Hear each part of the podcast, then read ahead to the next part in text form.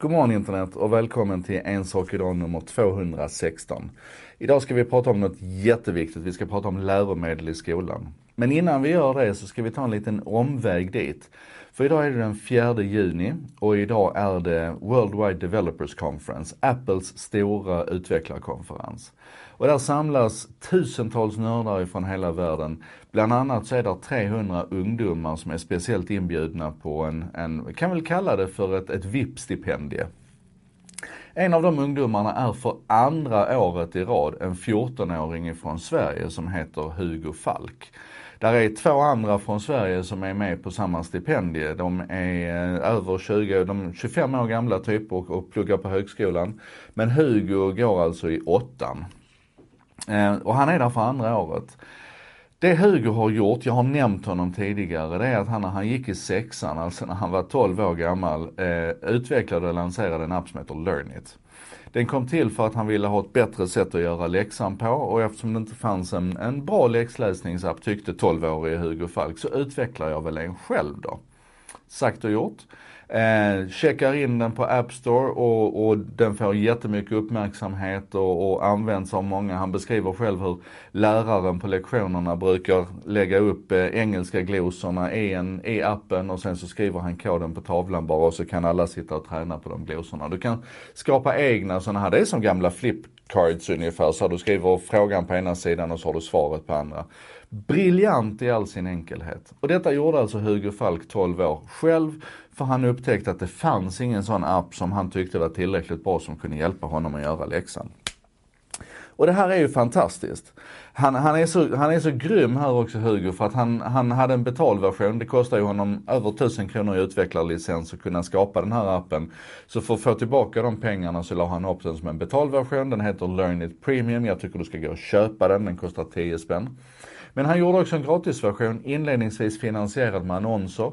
Men när han upptäckte att lärarna hade lite motstånd mot att låta eleverna arbeta i en app med annonser så tog han bort annonserna och tänkte, ah, aja, jag får väl tjäna mina pengar på något annat sätt då, för det här är viktigt att folk kan använda. Och just det här kollaborativa tänkandet, det här samskapandet, den här generositeten när det gäller läromedel. Där har hela Sveriges skolor och läromedelsförlag någonting att lära tycker jag. För så här är det, jag har ofta länge, ska jag säga, drivit tesen om att vi behöver en revolution på läromedelsfronten. Det är inte okej okay med analoga böcker som åldras. Det är inte okej okay att det ska kosta så sjukt mycket pengar att få tag på de här läromedlen. Att de ska vara inlåsta och bara tillgängliga för de som köper dem och så vidare. Jag menar läromedel, om vi tittar på hur, hur internet ser ut idag så är ju kunskap och information det är en commodity. Och om vi, om vi tar den här gamla slitna jämförelsen mellan Nationalencyklopedin å ena sidan och Wikipedia å andra sidan.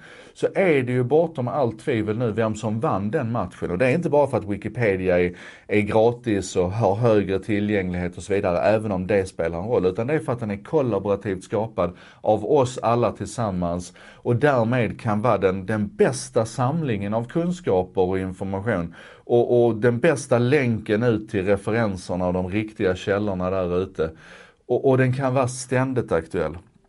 Och i helgen så drog jag en säkring för att jag fick se en bild, någon hade tagit och plåtat av en, en tabell i en samhällskunskapsbok för, för årskurs 6 där man tittade på de politiska partierna i Sverige. Och för det första så var det rena sakfel, man hade fel symboler på de olika partierna och det är såhär, vadå kvalitetsgranskning, vad fan är det jag betalar för?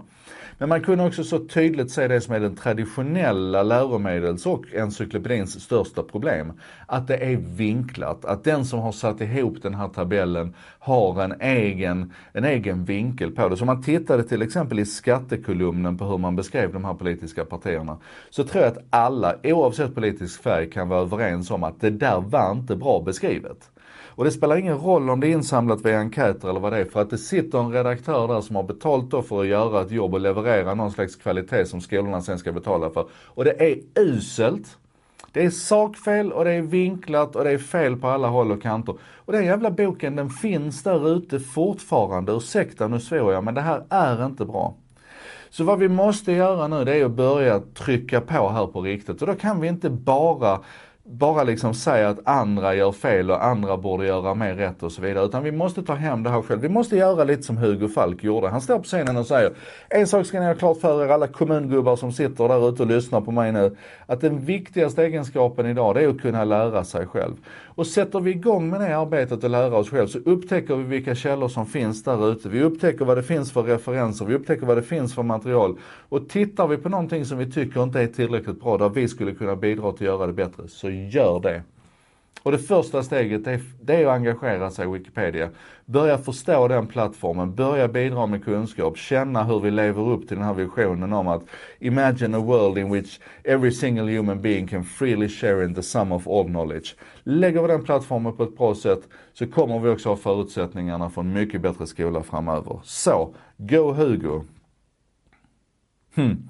Det här var alltså En sak idag nummer 216. Jag heter Joakim Jardenberg. Jag producerar det här med benäget bistånd av vännerna på Bredband2. Internetoperatören som gärna lyssnar när andra snackar och som hjälper till att sprida det här goda ordet. Det textas och översätts av Contentor som är en byrå som arbetar med modern marknadsföring, redaktionella texter på nätet och översättningar. De ser till att fram emot lunch varje dag så ligger det här textat på svenska och översatt till engelska. Och det är ju bara helt fantastiskt. Snacka om kollaborationer och samarbete. Och så ses vi imorgon igen.